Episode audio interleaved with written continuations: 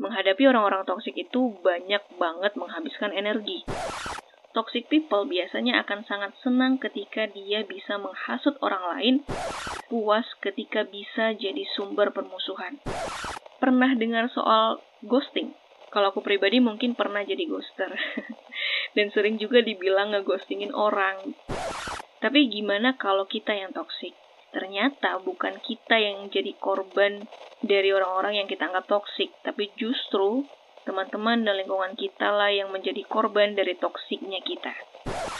Makin ke sini makin banyak belajar. Yang perlu aku lakukan adalah menarik diri. Gak ada kata terlambat untuk menarik diri.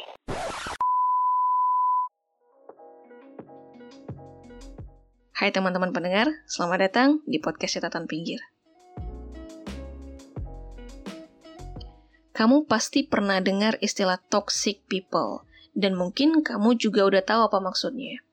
Kita sering ngerasa ketika ada orang yang memberikan pengaruh buruk terhadap diri kita dan lingkungan sosial kita, dan lalu kita anggap ini orang toksik banget, harus dijauhi.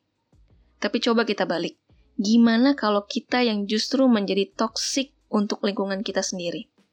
Menjadi sumber racun untuk teman kita sendiri, untuk kerabat kita, atau mungkin untuk keluarga kita. Di sini aku akan bahas dan ajak kamu cari tahu bareng. Apa aku termasuk toxic people? Dengerin sampai akhir ya. Sekilas soal apa itu toxic people. Istilah toxic people itu sebenarnya banyak muncul di sosial media. Banyaknya netizen-netizen yang membuli di sosial media. Tapi di kehidupan nyata, kita bisa banyak menemui orang-orang yang dianggap menjadi racun yang menyebarkan pikiran-pikiran negatif atau perilaku-perilaku negatif yang cenderung bisa merugikan kita dan lingkungan kita. Biasanya ketika tahu, kita sadar, kita akan langsung jauhi orang-orang seperti ini. Menghadapi orang-orang toksik itu banyak banget menghabiskan energi. Bukannya punya hubungan atau lingkungan yang sehat, tapi justru kita harus keluar banyak energi untuk terus-terusan membantu dan menghibur dia biasanya orang-orang toksik ini banyak ngeluh, sering ngeluh, susah bahagia karena banyak yang gak puasnya, resah, ngeluh terus-terusan, mementingkan diri sendiri, merasa paling benar dan mudah menyalahkan orang lain, gak ada empatinya. Menciptakan drama-drama atau konflik-konflik, kayak gak pernah damai gitu hidupnya. Bisa melakukan kekerasan bahkan, fisik atau non-fisik, atau secara emosional, emotional abuse Misal seperti meremehkan orang lain, mengkritik dengan negatif, mengontrol perilaku orang lain, memerintah, atau memanipulasi orang lain juga. Tapi gimana kalau kita yang toksik? Kita jadi racun buat teman-teman dan lingkungan kita. Teman-teman kita perlahan menjauhi kita. Di sini kita perlu ngaca, nyadar diri. Ternyata bukan kita yang jadi korban dari orang-orang yang kita anggap toksik, tapi justru teman-teman dan lingkungan kita lah yang menjadi korban dari toksiknya kita. Kalau aku pribadi ini kadang jadi problem besar sih buat aku. Karena bukan cuman akan merugikan orang lain, tapi juga akan sangat merugikan diri aku sendiri. Ketika aku tahu aku merugikan banyak pihak, aku bakal sangat kecewa sama diri aku sendiri. Oke, kalau gitu kita coba bahas satu persatu apa aja ciri-ciri toxic people ini. Pertama, sering membanggakan diri sendiri. Percaya diri atau bangga terhadap diri sendiri itu sebenarnya bagus, tapi kalau terlalu sering, berlebihan, pasti orang lain akan gak nyaman dengan kita. Apalagi gak cuma membanggakan diri sendiri, tapi juga menjatuhkan atau meremehkan orang lain setelah kita membanggakan diri kita sendiri. Terus self-affirmation, penegasan diri. Kita menegaskan diri kita bahwa kitalah orang yang paling baik, paling benar, paling jujur, paling berintegritas, dan orang lain harus percaya dengan semua yang kita katakan adalah yang paling benar. Ciri berikutnya, emotional abuse, kekerasan emosional. Orang-orang toksik bisa melakukan kekerasan emosional. Pernah nggak kita mengintimidasi orang lain, merendahkan mereka, meremehkannya, atau melanggar hal-hal yang menjadi privasi mereka? Melakukan bullying verbal misalkan. Pernah nggak kita mengetik komentar-komentar yang cenderung menghina orang di sosial media. Ini termasuk salah satu ciri toxic people. Berikutnya mengontrol orang lain. Aku pernah nggak ya uh, siapa ya orang yang pernah aku paksa secara nggak langsung mungkin untuk melakukan atau menuruti keinginan aku. Karena balik lagi, toxic people itu menegaskan dirinya adalah yang paling benar. Jadi harus percaya dengan yang kita katakan dan lakukan. Biasanya dalihnya itu karena untuk kebaikan orang lain lah gitu. Padahal ya sebenarnya kitanya aja yang toksik. Nah, karena orang-orang toksik ini merasa paling benar, pastinya bakal susah untuk minta maaf. Susah mengakui kesalahan orang lain. Cenderung akan terus mencari cara gimana bisa menutupi kesalahan diri sendiri. Dan bahkan sanggup untuk langsung menyalahkan orang lain. Nggak ada empatinya, nggak mikirin orang lain itu apa benar dia salah atau enggak gitu. Toxic people juga biasanya maunya seneng-senengnya aja.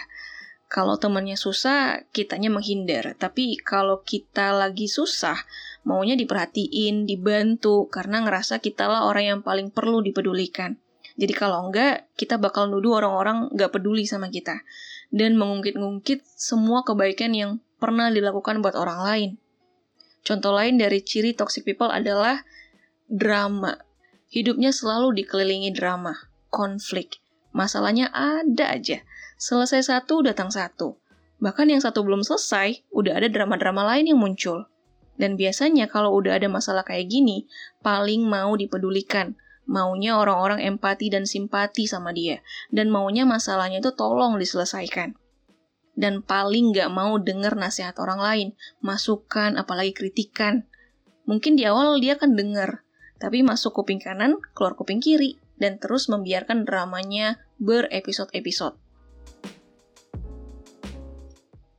Itu ciri secara umum. Tapi dari beberapa sumber, katanya toxic people sekarang-sekarang ini ada beberapa kriterianya. Hmm, aku termasuk nggak ya?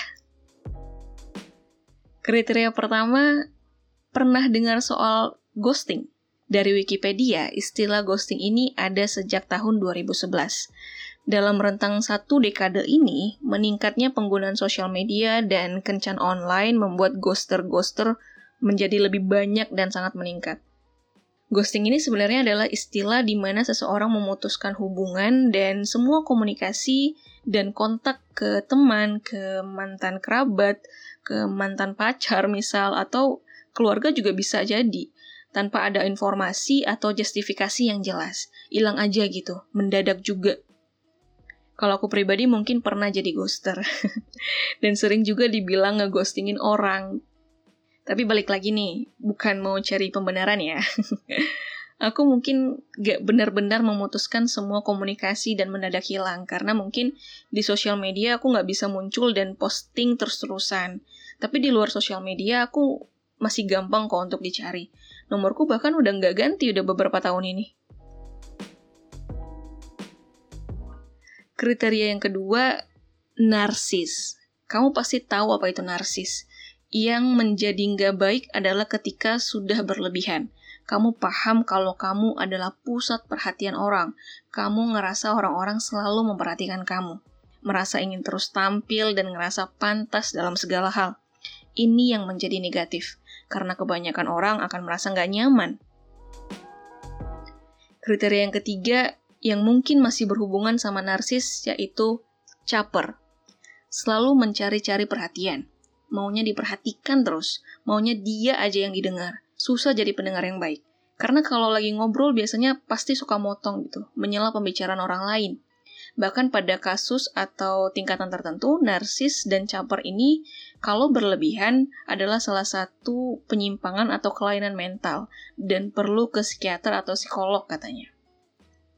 Kriteria berikutnya, menghasut.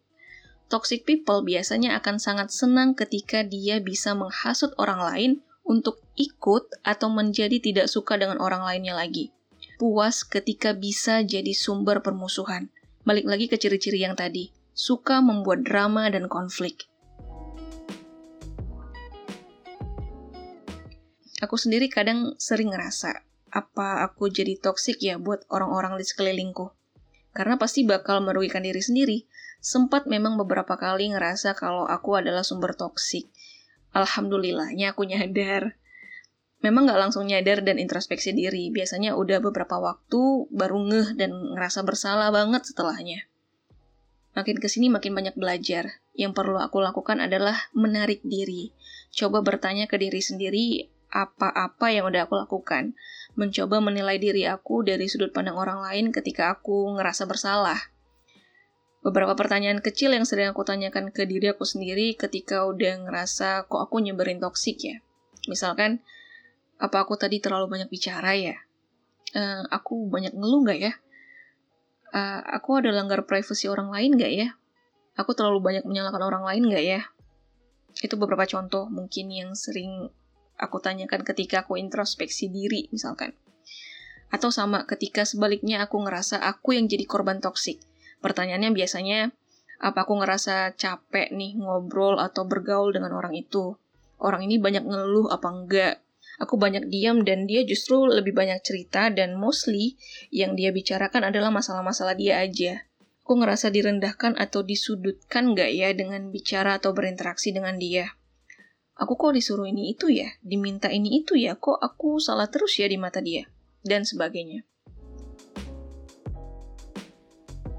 Kalau kita di posisi sebagai korban toksik dan ngerasa bahwa sedang dalam lingkaran toksik dari orang lain, coba dengan bilang tidak. Karena harusnya kita punya power untuk bilang tidak. Tidak untuk mengikuti yang kita ragu itu benar atau enggak. Tidak ketika diminta ini itu yang mulai menyulitkan kita. Kalau untuk membantu dan mengikuti sekali dua kali ya, aku rasa sih nggak apa-apa. Selagi masih bisa ngasih perhatian dan membantu ya, nggak apa-apa. Tapi kalau terus-menerus, aku harus bilang tidak. Sulit kadang memang, karena ngerasa nggak enak atau ngerasa kasihan gitu. Tapi harusnya si orang toksik ini bisa nyadar sih ketika kita udah banyak nolak, artinya aku tuh nggak suka diperlakukan seperti itu. Jangan diem aja ketika kita sering diseret dalam masalah-masalah atau drama-dramanya. Karena bisa aja justru kita yang jadi korban, jadi bumerang buat kita. Bisa aja si toxic ini playing victim dan menyalahkan kita. Ingat batasan kita. Ingat juga kalau kita tuh mau tenang dengan hal-hal positif yang lain. Batasi diri untuk berhubungan dengan orang-orang toksik ketika kita udah terlibat jauh secara emosi. Atau mungkin coba dengan katakan ke si toksik ini bahwa kita tidak nyaman dan ada banyak orang lain yang mungkin ngerasa dirugikan. Nah, tapi biasanya orang-orang toksik kan akan menolak ketika dikritik atau diberi nasihat atau diberikan masukan. Kalau udah nggak ketemu jalan baiknya ya mungkin udah saatnya untuk benar-benar menjauh. Kita kan juga berhak untuk mendapatkan hubungan yang baik dan positif. Dan balik lagi, gimana kalau kita yang justru jadi toksik? Gak ada kata terlambat untuk menarik diri. Coba tanyakan ke diri sendiri tentang keraguan atau kesalahan diri sendiri dari sebuah tulisan dari blog sahabatku. Dia ada ngebahas dan curhat soal hal-hal yang membuat dia lebih berkaca dan mencari tahu untuk mengatasi diri yang toksik.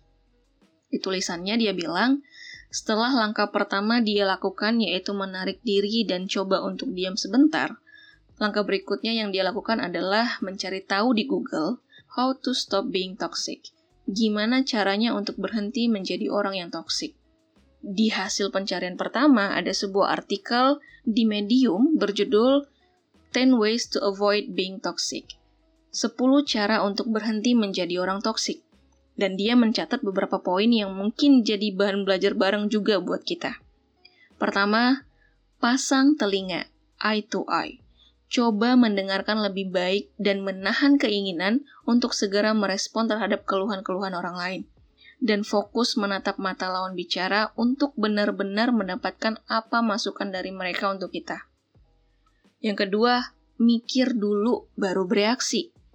Pikirkan ulang bagaimana kita bereaksi terhadap semua hal. Jangan terburu-buru bereaksi, berpikir tenang dulu. Berikutnya, melupakan ego dan mencoba membantu. Membangun orang-orang bukan menguji mereka, menguji kesabaran mereka. Itu hanya sebagian kecil yang dia kutip untuk blognya yang aku bagikan juga di sini. Untuk lebih jauh, bisa langsung ulik di artikel Medium. Jadi, ketika aku ngerasa menjadi toksik, aku harus membuat pengakuan. pengakuan bahwa iya, aku salah, dan sampaikan maaf. Menarik diri dan merunduk, bertanya lebih dalam ke diri sendiri. Terima kasih sudah mendengarkan sampai akhir.